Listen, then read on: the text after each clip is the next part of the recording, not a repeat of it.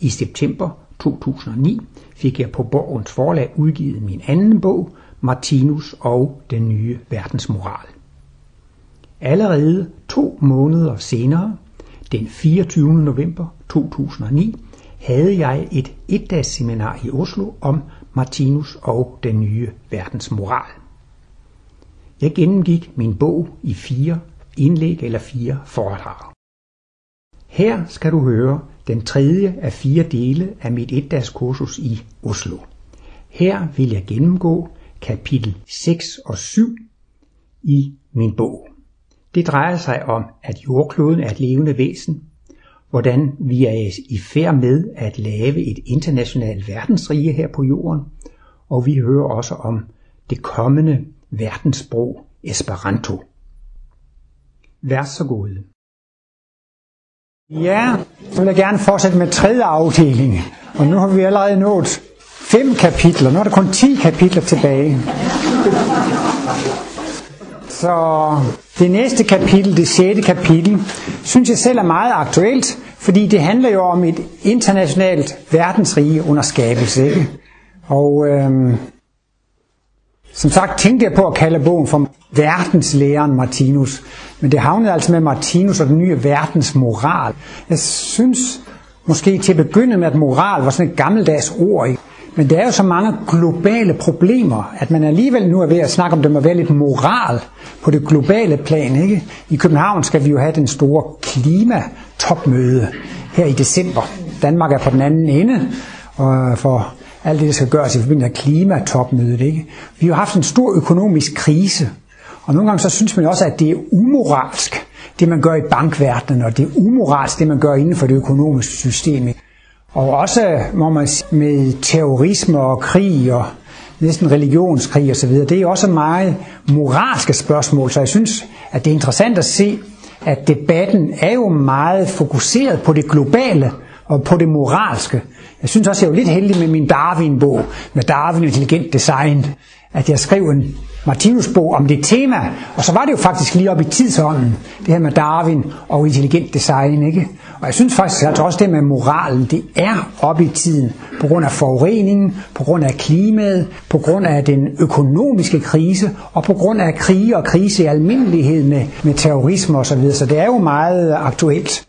Men øh, med hensyn til et internationalt verdensrivende skabelse, er det jo beskrevet fremragende af Martinus selv i fjerde kapitel af livets bog, bind 1. Og det er jo så nærmest det kapitel, jeg prøver på at referere og prøver på at gøre det relativt kort. Men det er ikke bare i fjerde kapitel, han skriver om det, han skriver også om det i fjerde bind af livets bog. Og det er der, Martinus har sådan nogle dejlige øh, udtryk. Han siger der i fjerde bind, at Jesus er den første og største kommunist, der har været på jorden. Og det er jo meget interessant, at han kobler Jesu væremåde på den sande kommunisme. Og han siger også, at det nye testamente, det er kommunismens evangelium. Det nye testamente er kommunismens evangelium. Og han taler altså om et nyt politisk system, eller en ny politik, som han kalder for kosmisk kommunisme. Han siger nemlig, at kommunisme, det er ikke kommunisme, før det er sandt demokrati. Det er ikke rigtig kommunisme, hvis det er diktatur. Og derfor kan man sige, at det sovjetiske kommunisme var ikke sand kommunisme, fordi det var diktatur. Så siger man over i USA, jamen vi har frihed, vi har demokrati. Ja, men det er ikke kommunisme. Altså de rige kan udnytte de fattige i USA. Der er vel ikke næsten noget land i verden, hvor der er så stor forskel på rige og fattige som i USA. Altså, på en måde er det utroligt, at, at der er mennesker, der er så rige, at de tillader, at naboen er så fattig. Det kan man i hvert fald ikke kalde for kommunisme, selvom man kalder det demokrati. Og så kan man sige, at det er ikke virkelig demokrati, før det er kommunisme. Og det er heller ikke kommunisme, før det er virkelig demokrati. Så det er jo ligesom, man skal have begge dele med. Ikke? Og det var jo det, Martinus sagde. Om 500 år, så vil der blive ført kristuspolitik. Og det tolker jeg lidt som, at så vil politikken være baseret på åndsvidenskaben, eller de 12 punkter, som Martinus har skrevet der i fjerde kapitel. Det, det slutter jo med en opsummering af, man kan næsten sige, det er Martinus' politiske manifest, med de 12 punkter der med, hvordan øh, samfundet skal øh, udvikle sig. Jeg går ud fra, at I kender fjerde kapitel relativt godt, men jeg skulle måske altså ganske kort sige, at Martinus mener, at løsningen på det økonomiske problem i fremtiden bliver, at den private kapital skal afskaffes. Verdensregeringen eller alle mennesker skal eje alle ressourcerne. Et hvert menneske, der bliver født til jorden, ejer sin lille brøkdel af ressourcerne. Alle ressourcer på jordkloden skal fordeles ligeligt mellem alle mennesker. Martinus siger også lidt humoristisk, hvis det havde været muligt for et firma at monopolisere oxygenet i luften, eller monopolisere solskinnet, så kan I være sikre på, at I skulle betale for at ånde vejret, og I kunne være sikre på, at I skulle betale penge bare for at få lidt solskin. Men øh, det er lidt nemmere at monopolisere guld, metal, kul, olie. Det ligger nede under vores land, derfor det er det vores, og nu skal I betale for at få det. Så jeg kan godt se, at der er nogle naturlige stoffer, ikke? Dem kan man monopolisere, så skal man betale for dem, og hvis man ikke kan, ja, så, så er det jo faktisk, så har alle lige adgang til den. Alle har den samme lige adgang til solskin og den friske luft. Vi skulle jo også have den samme lige adgang til alle jordens ressourcer. Og i dag har vi jo sådan en blandingsøkonomi, at øh, statsmagten, den repræsenterer jo fællesinteressen, ikke? og kapitalmagten, den repræsenterer jo den egoistiske, altså privatinteressen, det er jo privat kapital. Og øh, løsningen på det, det bliver, at vi skal have en fælles møntenhed, og det skal ikke være euro, og det skal ikke være dollars. Den fælles møntenhed skal være en menneskelig arbejdstime. Og man skal kun, det eneste betalingsmiddel, et menneske har, er personligt præsterede arbejdstimer. Man kan ikke arve penge, man kan ikke spille sig til penge, man kan ikke øh, ved business, forretning øh, komme til penge. Man kan ikke betale med andre menneskers arbejde. Man kan kun betale med sit eget arbejde. Og det er jo interessant, nu har vi jo i Danmark et dankort, og det er kreditkort, ikke? Og det udvikler sig vel til, at man får sådan et borgerkort, hvor det står, at man har gjort sin værnepligt, og man har kørekort, og man har lånt på biblioteket, og man skylder penge. Altså til sidst, så bliver det hele jo samlet på et kort. Et eneste kort skal man have. Det er ens livspas, ikke? Og til sidst skal det også kun være et firma, ikke sandt? Det er ikke sådan, så er der det en bank her, og et forsikringsselskab her, og et kreditfirma her, og et bibliotek, og staten, og, og et sygesikringskort og så videre. Det skal kun være verdensstaten, ikke? Og så er det jo så altså, at der har man alt på sit livs ikke? og derved vil det også blive umuligt at udnytte andre menneskers arbejde. Hvis det tager 10 menneskelige arbejdstimer og producere det der bord, så kan det være, at jeg er en god forretningsmand, og så sælger jeg det for en værdi på 20 arbejdstimer. Så scorer jeg lige 10 arbejdstimer, uden at have arbejdet for det. Og det kan være, at jeg bruger en time på at sælge det, det skulle jeg selvfølgelig have betalt for. Men lad os nu bare sige, at jeg kommer til en værdi på 10 arbejdstimer, uden at yde noget arbejde for det. Så må der være en anden, som bliver snydt for det. Et eller andet sted, så står der en stakkel derude og arbejder i 20 timer, og nu skal du have min betaling, kære ven. Du får betaling for 10 timer. Han bliver snydt for betaling for 10 timer, ikke? Jeg har så at sige stjålet værdien af hans arbejde. Ikke? Han er så på en måde været slave eller træl for mig, fordi han har ikke fået betalingen for det arbejde, han har gjort. Og sådan er det altså. Hver eneste gang, der et sted i systemet, er et menneske, som får en arbejdsfri indtægt, så er der et andet sted et menneske, som bliver snydt. Jeg så også engang en tv-udsendelse, hvor man kunne stemme. Så startede det med, at der var en plastikpose på en bænk i en park. Der var en million kroner i plastikposen. Og så er det en, der finder den, og hvad vil du så gøre? Og så stemmer jo 60% af befolkningen på, den vil jeg tage med hjem. Og 40% siger, at altså, man vil aflevere den. ikke. Så lidt længere hen af, så kommer det frem, at disse penge skulle være brugt til at hjælpe nogle handicappede børn, eller nogle fattige, eller nogle syge børn. Og så spurgte de så, hvor mange vil nu levere pengene tilbage, og hvor mange vil nu beholde dem, ikke? Og lige pludselig så flyttede det. Så ville folk godt levere den tilbage, fordi de kunne se, de her penge mangler jo et sted, ikke? Det er tit, vi vil gerne vinde i lotto, og vi vil gerne have den gratis, ikke? Vi tænker sjældent så langt, at når man får nogle penge, uden at have gjort noget for det, ikke, så mangler de et andet sted. Der er nogle andre, der har mistet det. Ikke? Og det er det, man kan forstå, hvis man laver en total økonomisk balance. Er der nogen, der får en arbejdsfri indtægt, så er der nogen, der bliver, bliver snydt for det. Og det er altså et, et uretfærdigt system. Så siger Martinus, der bliver sådan en lille brøkdel af ens livsløn. Den skal gå til at betale barndom, sygdom og, og alderdom osv. Selv forældre, de skal få betalt for at passe børnene. Det skal ikke være en økonomisk byrde for forældre at have børnene, fordi et hvert menneske kommer til at betale for sit eget liv. Ikke? Det er så er der altid nogen, der siger, hvad så hvis man er født handicap? Ja, der får man selvfølgelig hjælp hele livet. Ikke? Det går jo øh, fra eller det, det betaler verdensstaten. Martinus er også inde på, at, at sådan noget som abort, det vil ikke forekomme i fremtiden, fordi at det at få foretaget abort på grund af økonomiske problemer. Tidligere var det sådan, en ung pige, hun havde ingen penge, hun havde ingen uddannelse, hun havde ingen mulighed for at have det her barn, så vælger hun abort som en udvej, ikke? Det vil verdensstaten jo ikke gøre. Verdensstaten vil i den grad stille op på at hjælpe en hvert mennesker, som var gravid med bolig, med penge, med uddannelse. Det skal ikke være det. Det er nu så et helt kapitel for sig, men øh, Martinus mener jo altså, at abort det vil jo også forsvinde i, i, i fremtiden helt og holde, fordi at øh, når befrugtning er sket, så er det et levende væsen, som er på vej til at inkarnere. Det skal man ikke afbryde, men det er nu sådan et helt kapitel øh, for sig. Men øh, længere ud i fremtiden, så vil det blive så rationelt, så man skal ikke arbejde. I dag tror jeg i virkeligheden ikke, at hvis arbejde var fordelt ligeligt, i dag er det jo mange, der er på førtidspension, og mange, der er på, på anden pension osv. Hvis arbejde blev fordelt ligeligt, ville der måske i Norge og Danmark kun være 25 timers arbejde til hver person, eller måske kun 20. Men så er der altså nogen, der arbejder vanvittigt og overarbejder og får stress og så videre, og så er der nogen, der går permanent og arbejdsløse, ikke sandt? Og Martinus skal se, jamen i fremtiden så skal vi kun arbejde to dage om ugen, og lidt længere frem, bare to gange to timer om ugen. Det vil sige, at når man er med i samfundet, så har man et lille pligtarbejde, og så kan man gratis nyde samfundet. Tænk alle de mennesker, som kontrollerer regnskaber, tolv og skat og forsikringer. Han siger også, at alt det her med mellemhandlere, det bliver bestemt politisk, hvis man vil det. Alle mennesker skal have en bil, en computer, øh, fjernsyn osv. Så, så går varerne direkte fra verdensstatens fabrikker til forbrugeren. Ikke? Bliver fjernsyn bedre af at stå ved en radioforhandler? Bliver bilen bedre af at stå ved en bil, bilforhandler? Det gør den ikke, men det bliver i hvert fald meget dyrere. Jamen alle de der erhverv med at være mellemhandlere, de vil kunne fjernes. Tænk også alle det der med alle de mennesker, som er ansat som politibetjente og soldater, og alle de her konkurrerende øh, forsikringsselskaber, konkurrerende bankfirmaer og alt sådan noget. Ikke sandt? Det bliver bare én livskonto. Der er så mange erhverv, Altså alt det her med, med at kontrollere billetter og kontrollere her og der.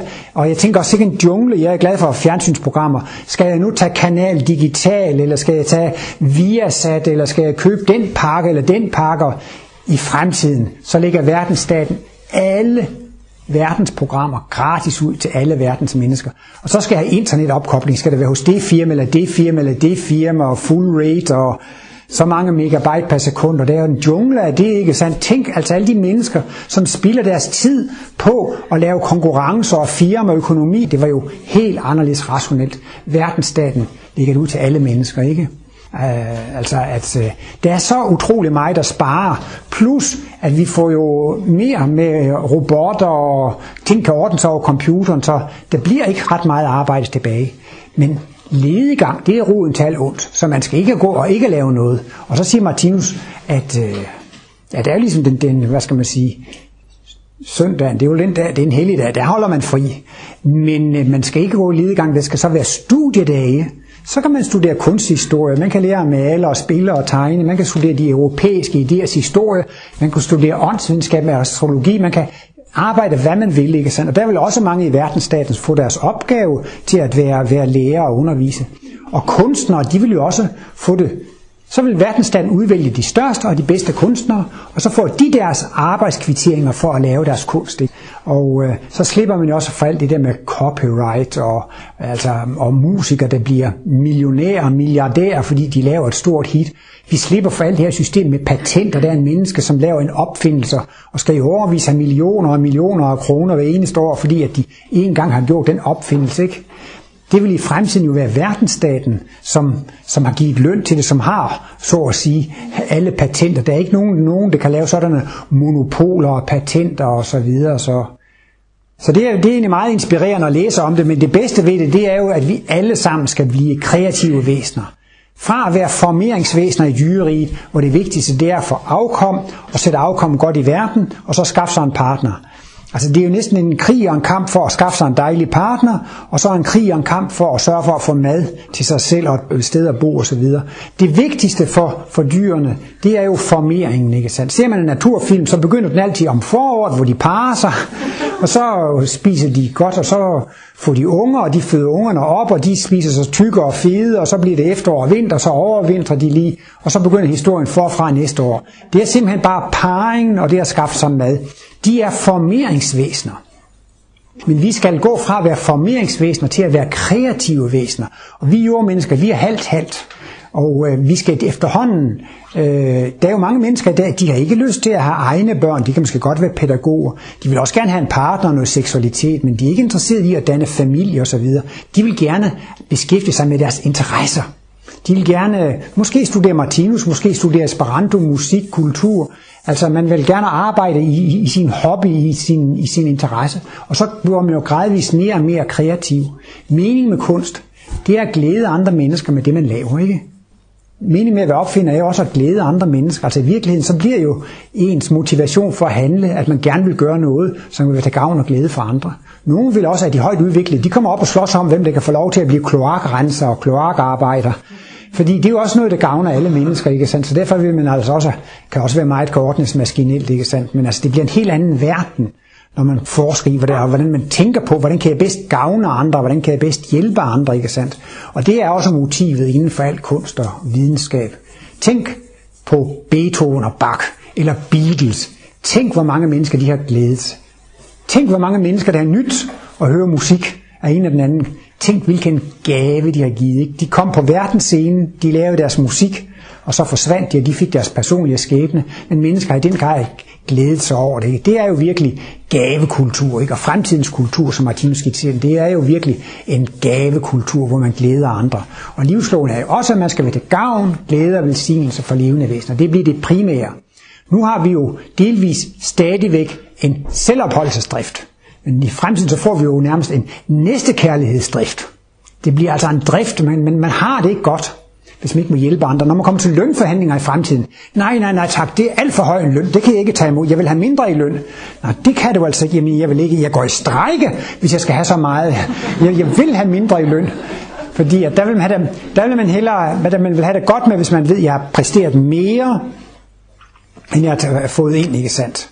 Hvorimod i dag, så glæder man sig over at få så meget som, man kigger efter drømmejobbet, og det betyder, at man skal have så meget som muligt for at lave så lidt som muligt i det bedst tænkelige, mest interessante program.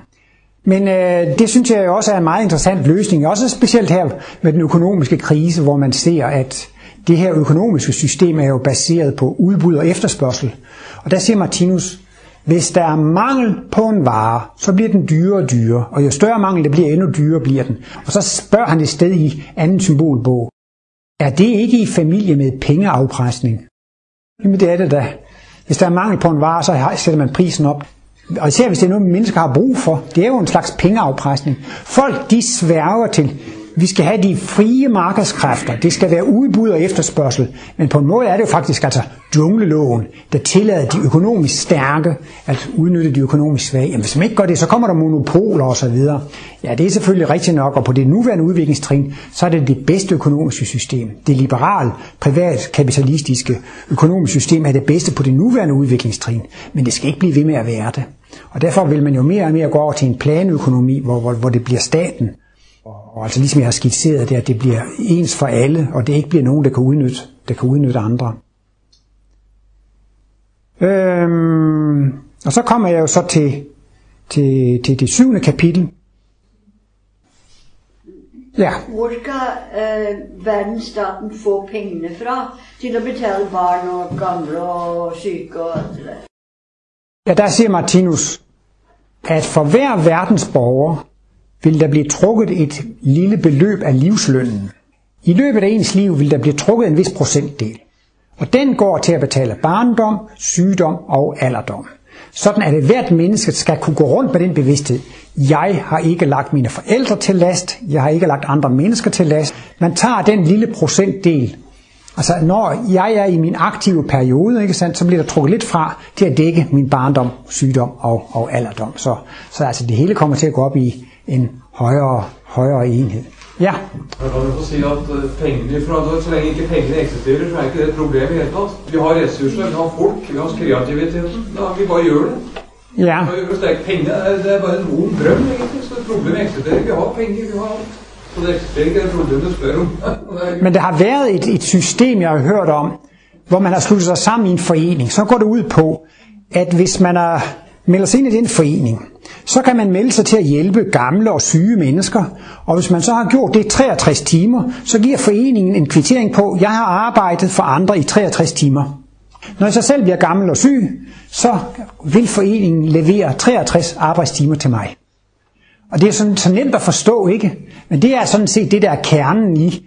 Der, man behøver ikke at have penge, men altså, det er det, der er kernen i fremtidens økonomi. Ikke sandt? Jeg hjælper andre et vis antal timer, og så får jeg selv hjælp det samme antal timer. Så er der ikke noget med renter og kapital og, og børs og valutaspekulationer osv. Det, det er så, så, så, så enkelt.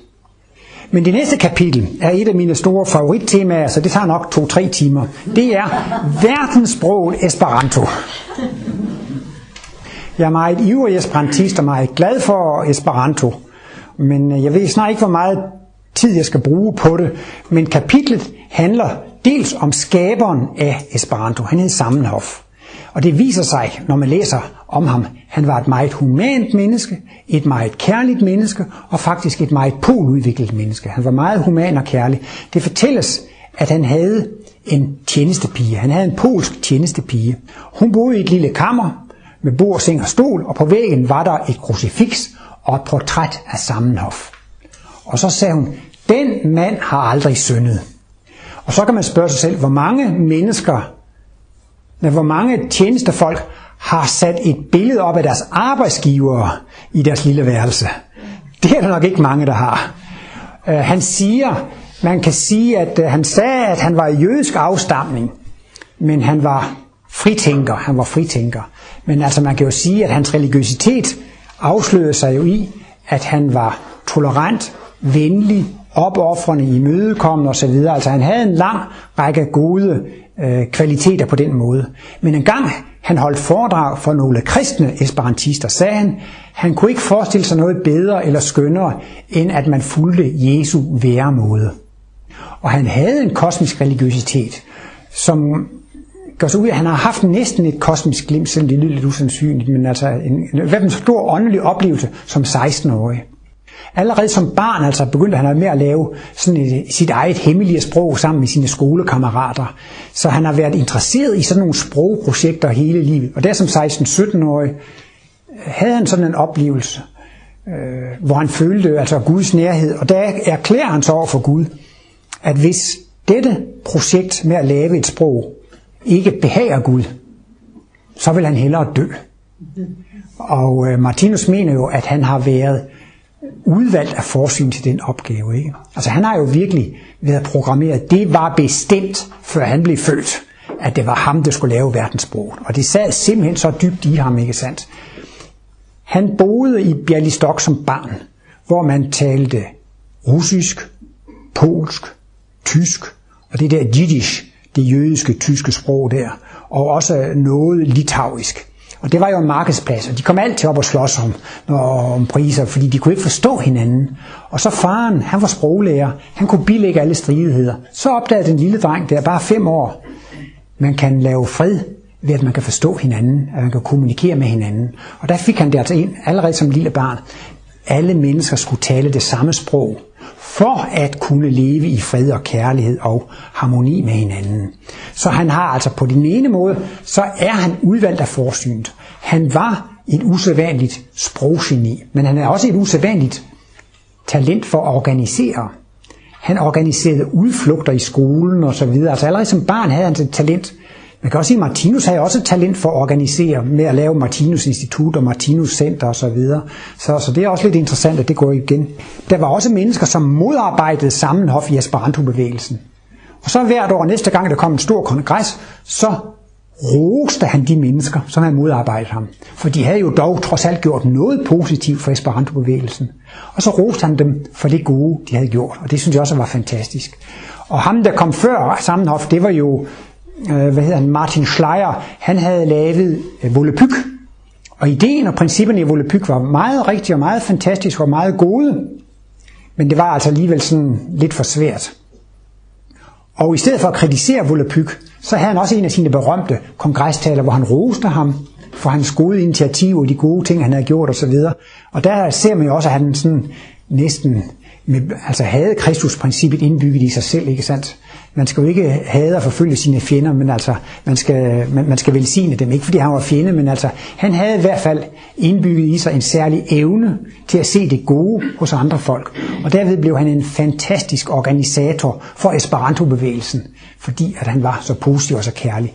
Dertil kommer, efter min mening, at han var et sproggeni, ikke sandt? Og Martinus har skrevet om talsystemet. De sidste 50 sider af livsbog bind 3 handler om talsystemet, hvor Martinus forklarer nullets betydning i talsystemet. Han forklarer, hvordan talsystemet er fuldkommet. Man kan ikke forbedre talsystemet. Ja, jeg synes, når vi tog 13 og 17 væk, så vil det blive fuldkommet. Men så længe 13 og 17 er med, så er det ikke fuldkommet. Jamen, man kan ikke gå ind og forbedre talsystemet. Det er, som det skal være, og det kan ikke blive bedre. Men de nuværende sprog, de kan godt forbedres. De kan godt blive mere logiske og matematiske. Og der skriver Martinus i slutningen af livets bog 3, at det fuldkommende sprog, det vil blive lige så logisk og matematisk som talsystemet. Og det fuldkommende menneske vil betjene sig af et fuldkomment sprog. Og personligt så anser jeg Esperanto for at være et fuldkomment sprog. Der kan være nogle små detaljer, som man kan diskutere, om de skulle hedde det ene eller det andet. Men alle principperne, og Martinus siger også lige frem i en af sine udtalelser, at Esperanto er opbygget efter guddommelige principper. Alle navnord ender på O, og hvis et ord ender på O, så er det et navnord. Alle tillægsord ender på A, og hvis der er et ord, der ender på A, så er det et tillægsord.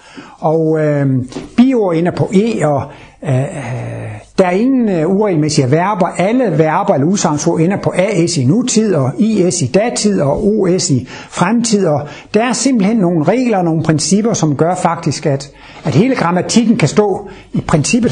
Jeg har set det sådan stillet op på to sider med 16 grammatiske regler. Så det er altså meget klart, og det er det, man kalder Esperantoens fundament, og det er urørligt. Derefter kan man så tage nye moderne ord ind med computer og radio og fjernsyn. Man kan sagtens tage nye ord ind. De skal bare følge de grammatiske regler, så er det ikke noget, noget, noget problem med at øh, tage det ind. Øh, jeg har engang holdt et foredrag, som hedder Kristendom, Kosmologi og Esperanto, hvor jeg sammenligner de her tre bevægelser, ikke sandt? Og der er jo så i alle tre bevægelser ligesom et, et kristusprincip. Det er selve kernen i det. Det er altså kosmologiens indhold, det er Jesus, det er kristendommens indhold, og det er så sprogets indhold. Det er selve kristusprincippet i det. Så findes også et Johannes Døber-princip, altså et forløberprincip. Og nu har jeg så nævnt teosofien og antroposofien. De gjorde jo faktisk et Johannes Døber-arbejde for åndsvidenskaben. Jelena Blavatsky, som jo stod i lære hos nogle af de der Mahatma eller tibetanerne, eller har jo lært Vesten om reinkarnation og karma. Det har jo også været en slags forberedelse for åndsvidenskaben. Derved har det jo også været et Johannes Døber arbejde. Og Martinus begyndte jo også i Danmark at holde foredrag i teosofiske og antroposofiske krise. Det var jo Johannes Døber. Og lige sådan så ham, der lavede Volapyk, det var jo også sådan et øh, Johannes Døber arbejde. Jeg er født i Jylland i Danmark. Der hedder man ikke Ole, der hedder man Wolle. Wolle.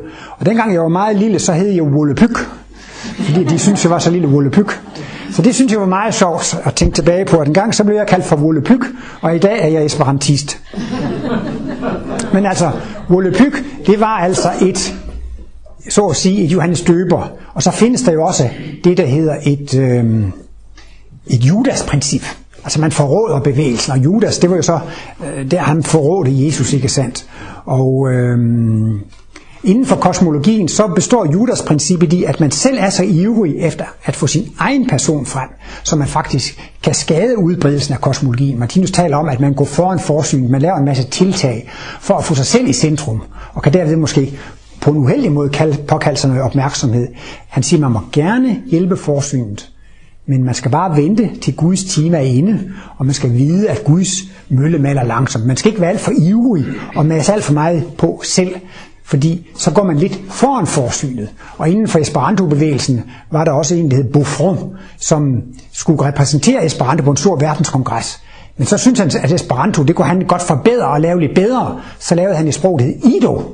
Det er godt at kunne, hvis man skal gætte kryds og tværs, i hvert fald i Danmark. Så får alt det sprog, og så tre bogstaver. Så skal der stå Ido. Men altså, han forrådte også lidt Esperanto-bevægelsen, og sådan vil det selvfølgelig være ved alle bevægelser, ikke? Men det der, der er karakteristisk for alle tre, det er, at de vokser så utrolig langsomt. Altså, jeg tror, var det efter 300-400 år, at kristendommen blev statsreligion i Rom, ikke? 300-400 år. Og nogen kan ikke forstå, hvorfor går det så langsomt med kosmologien. Nu er det jo 70-80 år siden Martinus begyndte, og der er stadigvæk så lille interesse for det. Og så er der mange, der siger, at Esperanto det er jo uddød for længst. Det er jo ikke nogen, der bruger det mere. Men der er ingen risiko for, at kosmologien skal uddø. Det er, værket er skabt, bøgerne er der, symbolerne er der. Det, det, kan, ikke, det kan ikke mislykkes. Og sådan er det også med Esperanto. Sproget er lavet, og sproget vokser. Der bliver lavet flere og flere bøger på Esperanto. Flere og flere bøger bliver oversat, og der er flere og flere tidsskrifter og radioudsendelser. Og nettet, internettet er næsten som skabt for Esperanto. Øhm, så har jeg også i bogen skrevet lidt om, hvordan man har brugt det inden for Martinus Institut, og jeg har samlet alle citater af Martinus, der overhovedet kan støves op. Og Martinus udtaler sig altså meget positivt om Esperanto. Og for første gang Martinus skriver om Esperanto, det er i 1939, Kosmos nummer 1, 1939, altså for 70 år siden. Da anbefaler han de interesserede at lære sig Esperanto. Det er som et vindue ud til fremmede folk. Esperanto kan virke som et brugsprog. Og det er det virkelig gjort. Først har vi fået noget oversat til tjekkisk og til engelsk og til japansk. Ikke fra dansk, men fra Esperanto. Og her i nyere tid har jeg selv holdt masser af Esperanto foredrag der rundt omkring. Og nu har vi fået for eksempel symbolbøgerne oversat til kinesisk fra Esperanto, fra Esperanto til polsk, til rumænsk, og lidt til ungarsk. Så inden, selvom det ikke er så mange esperantister ude i verden, så har instituttet faktisk allerede haft stor fornøjelse af Esperanto, fordi at det har virket som, øh, som, som et brugsprog. Og vi arbejder også meget på instituttet. Jeg tror, jeg har talt op, at der er vist 16 eller 17 af Martinus bøger, som er, som er oversat til øh, Esperanto. Og Martinus nævner også i 1939, at man godt kan undervise i Esperanto inden for instituttets rammer. Jeg ser nogle gange vegetarisme og Esperanto lidt parallelt. Hvis folk kommer til Martinus Center Klint og spiser på terrassen, så kan de blive inspireret til at leve vegetarisk, hvis de ikke gjorde det før. Ikke? Der hjælper man også den nye verdensimpuls ved at inspirere folk til at spise vegetarisk. Og derfor går jeg også lidt ind for, at man gerne må undervise lidt i Esperanto i Martinus Center Klint, for derved inspirerer man altså også folk til at lære sig Esperanto, som også øh, er øh, tilhører den nye, den nye verdensimpuls. Der er hele 32 sider om Esperanto i den der bog, men jeg tror ikke, jeg skal gøre så meget i, i detaljer med det. Men altså, jeg synes selv, det har været øh, interessant, at vi skal have den store verdens Esperanto-kongres i København, sommeren 2011. Så jeg synes, det var meget sjovt, bare sådan efter danske forhold, at vi får den der store verdenskongres, og Borgens forlag godt vil tage min bog, og der var 32 sider om, om Esperanto, så jeg synes ligesom, det virker til at være sådan lidt, lidt morgenrøde for Esperanto-bevægelsen. Og hvis der er nogen af jer, som ikke er esperantister, som har lidt lyst til det, hvis I går i gang nu, så kan I snakke Esperanto sommeren 2011, og så kan I komme med ned og være med på verdenskongressen i København.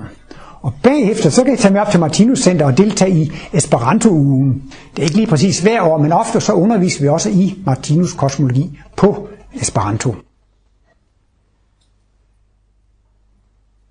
Ja, øh, nu er jeg som sagt ved at løbe lidt sur i numrene, men jeg tror kapitel 7, det var om Esperanto. Jeg har i hvert fald lavet tre kapitler, som handler om udvidelse af næste begrebet.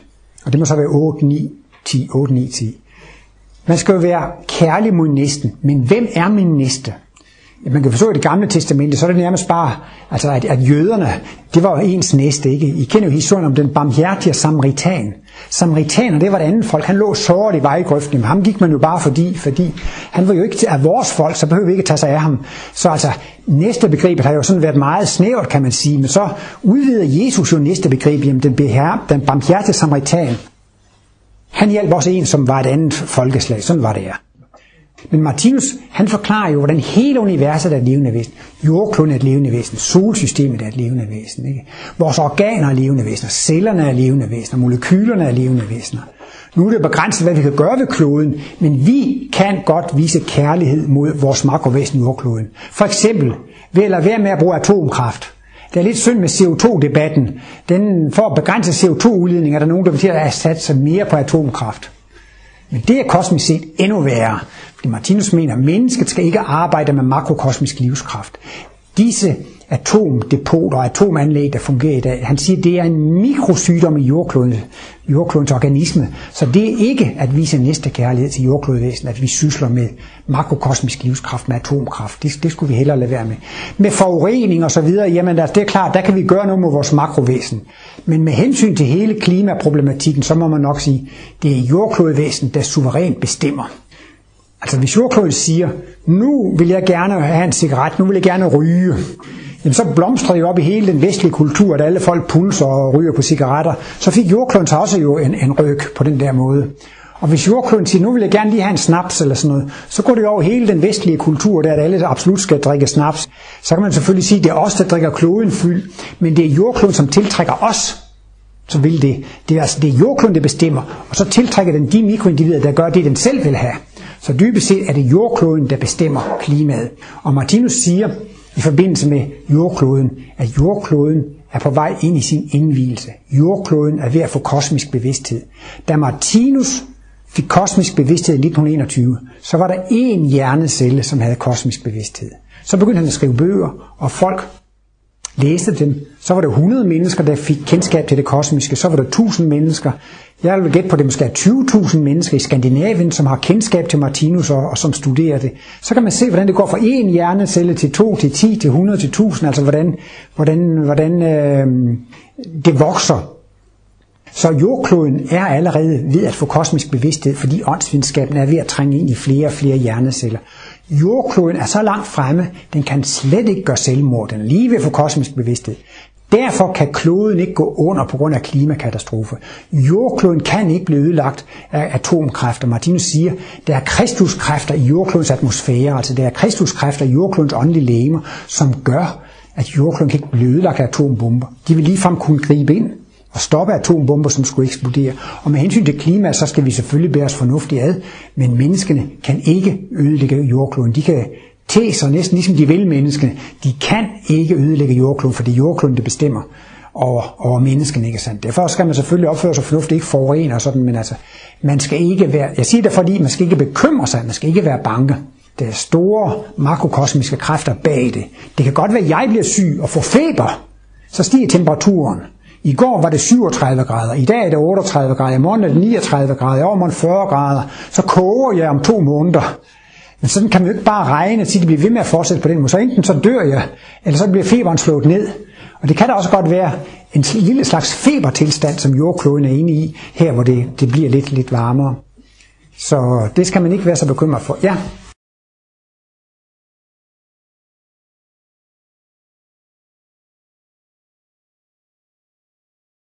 Skal vi mennesker ikke gjøre noe for å redusere CO2-utslipp og sånne miljøtenkning?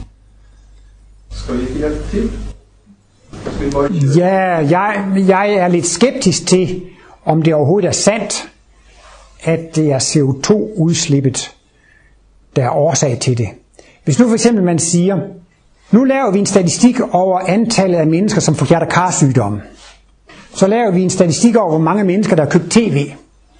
Så kan man se, jamen øj, se nu her, hjertekarsygdomme, de stiger sådan der, og antal tv stiger sådan der. Altså får man hjertekarsygdom af at se på tv. Det er ikke sikkert, det er rigtigt, men det er rigtigt nok, at begge ting stiger samtidigt. Men det er ikke sikkert, at det er et årsag-virkningsforhold. Og derfor er jeg også lidt skeptisk til med CO2. Det er muligt, at temperaturen stiger nu. De er altså meget sikre på, at temperaturen stiger på vi har delt CO2 ud. Ikke? Der findes jo en dansk forsker, som er meget ildesæle. Han hedder Henrik Svensmark, som kan relatere til, at klimaet styres af den kosmiske stråling. At der er kosmisk stråling fra solen, der er kosmisk stråling fra vores egen mælkevej, der er kosmisk stråling fra vores nabogalakser, den lille og den store Magellanske sky. Og han har altså statistik, der går flere hundrede millioner år tilbage, hvor han helt klart kan relatere mængden af kosmisk stråling til temperaturen. Den kosmiske stråling har indflydelse på, hvor mange kim af en bestemt type partikler, det bliver dannet i atmosfæren, som er ansvarlig for, hvor mange skyer. Og mængden af skydannelse er afgørende for temperaturen. Og han har lavet stor forskning og påvist, at temperaturen styres af den kosmiske stråling. Og på en måde, så synes jeg, set ud fra Martins kosmologi, så er det Mælkevejen, der bestemmer over alle planeter i Mælkevejen. Og det er Mælkevejen, der bestemmer over solsystemet, solsystemet bestemmer over jorden, og jorden bestemmer over os. Så, så, så, så altså i hvert fald set i det store kosmiske perspektiv, så er det enorme kosmiske kræfter, som bestemmer klimaet på vores klode. Det er ikke os, der er den direkte årsag til det. Det er det ikke. Men hvorfor er det så stor uh, debatt om dette nå? Det er jo veldig fokus, har vært i 11 år. Alt som skjer er jo riktig. Er, er, kan vi si at det er feil når det skjer? Nej, nej. Altså Martinus siger jo om et højt udviklet H-menneske. Et H-menneske ser til, at intet går til spilde. Og vi kan også godt være, at vi får som energierne, og lader noget energi gå til spilde, som det ikke er nødvendigt. Og så kan ligesom jordkloden sige, skal jeg nu spare, eller skal jeg frose, skal jeg ødsle, eller skal jeg bære mig fornuftigt ad? Og CO2-debatten, det er jo et meget kontant mål for, hvor meget man ødsler, eller hvor meget. Så derfor kan det jo godt, altså selve den klimadebat, det er også en tanke, der foregår ind i, i, i, i jordklodens bevidsthed. En ting, der er interessant, det er jo også, der kan man også måle det her med fødekæderne. De siger, at CO2-udledningen fra den samlede, nej, altså man, lad mig lige sige det anderledes. Hvis alle mennesker bliver vegetarer i dag, så behøver vi ikke at spise grise og køer osv. Der spilder vi en masse energi. Vi spilder 90% for hver. I stedet for at vi skal spise grisene, kunne vi lige så godt have spist grisefodret. Fordi grisefodret det er korn, det kan vi lige så godt spise, ikke? Men det bliver jo så, i Danmark dræber vi 17 millioner svin om året, eller 20 millioner svin. Det er en kæmpe industri, og den forbruger en masse ressourcer, de lider en masse CO2 ud. Så kan man sige, hvis vi alle blev vegetarer, ville vi øh, sænke CO2-udledningen med et beløb, der er lige så stor som udledningen fra den samlede transportsektor. Det er altså skibe og biler og fly og alt, hvad vi transporterer, ikke sandt? Men det er jo ikke sådan på tapet. Det synes jeg også, at den danske miljøminister, Connie Hedegaard, synes jeg, skulle udelukkende servere vegetarisk mad under klimatopmødet i København. Og så sige, her kan vi så spare så og så meget. Men altså på den måde er det jo godt, det kommer på bordet. Altså vi skal da også, det skal være en vis fornuft altså. Men jeg ved det ikke, altså nu er jeg på gyngende grund, og jeg ved ikke, om det er noget Martinus har antydet, eller det er noget Steiner har sagt, eller sådan noget. Men altså, i jordens fortid har der været enorme plantevækster. Og på grund af nogle oversvømmelser osv., så er de her planteforekomster blevet koncentreret i umådelige mængder. Og så er det blevet presset ned i jordlagen og blevet til kul og så videre, ikke også? Så på en måde er det måske alligevel naturligt nok. Altså nogle gange kan man have urenheder i huden. Altså vi kan have bumser og uren hud, ikke? Så muligvis kunne man også, altså bare for at tolke det den anden vej rundt, at det her kul og de der olie og så videre, det ligger i jorden, ikke?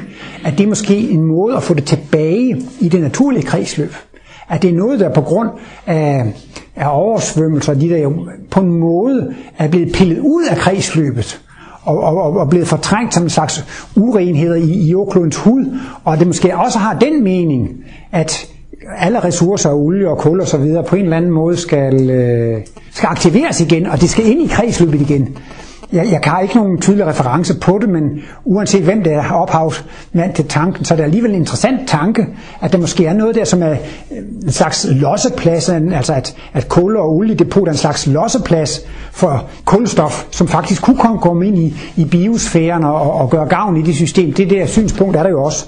En lille positiv bivirkning af mere CO2-atmosfæren er i hvert fald, at der kommer mere plantevækst. Jo mere CO2 der er i luften, jo mere CO2 er der til fotosyntesen. Men jeg ved godt, det der er måske lidt farligt at sige, at det ikke er så farligt med CO2-debatten. Men jeg ved i hvert fald, at jeg kan sige, kosmisk set, så er det jordklodvæsen, som styrer klimaet. Og over jordklodvæsen, så er det altså endnu større makrovæsener, som styrer det. Så det kan slet ikke gå galt. Men vi mennesker kan jo gøre os til redskab for det gode og det onde. Så at sige det rigtige og det forkerte, ikke?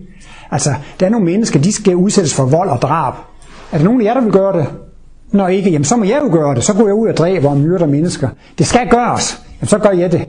Jamen så får jeg selv en dårlig skæbne ved at gøre det forkert. Så det er jo klart, også i klimadebatten, så skal man jo selv se til at gøre det rigtige for at skabe en god skæbne. Og så, hvis det er forkert, så må man lade dem om at gøre det, som ikke er bange for at pådrage sig selv en, en, en dårlig skæbne. Ja. Jeg tænker, kan vi tage pause nu kanskje? Ja, det kan vi godt. Det var så en af arrangørerne, et Lygrabe, der spurgte, om vi ikke kunne tage en pause, om vi ikke kunne holde en pause. Og dermed afsluttede jeg de tre kapitler, der hørte sammen. Femte kapitel, jordkloden et levende væsen. Sjette kapitel, Verdensstaten, Syvende kapitel, Verdenssproget Esperanto. Og efter pausen kommer de tre næste kapitler, 8. kapitel, Kærlighed til dyrene om vegetarisme, 9. kapitel, Sygdom og helbredelse i kosmisk belysning, 10. kapitel, Balsamering i den nye verdenskultur, som man også kan læse lidt om i Martinus bog. Bisættelse.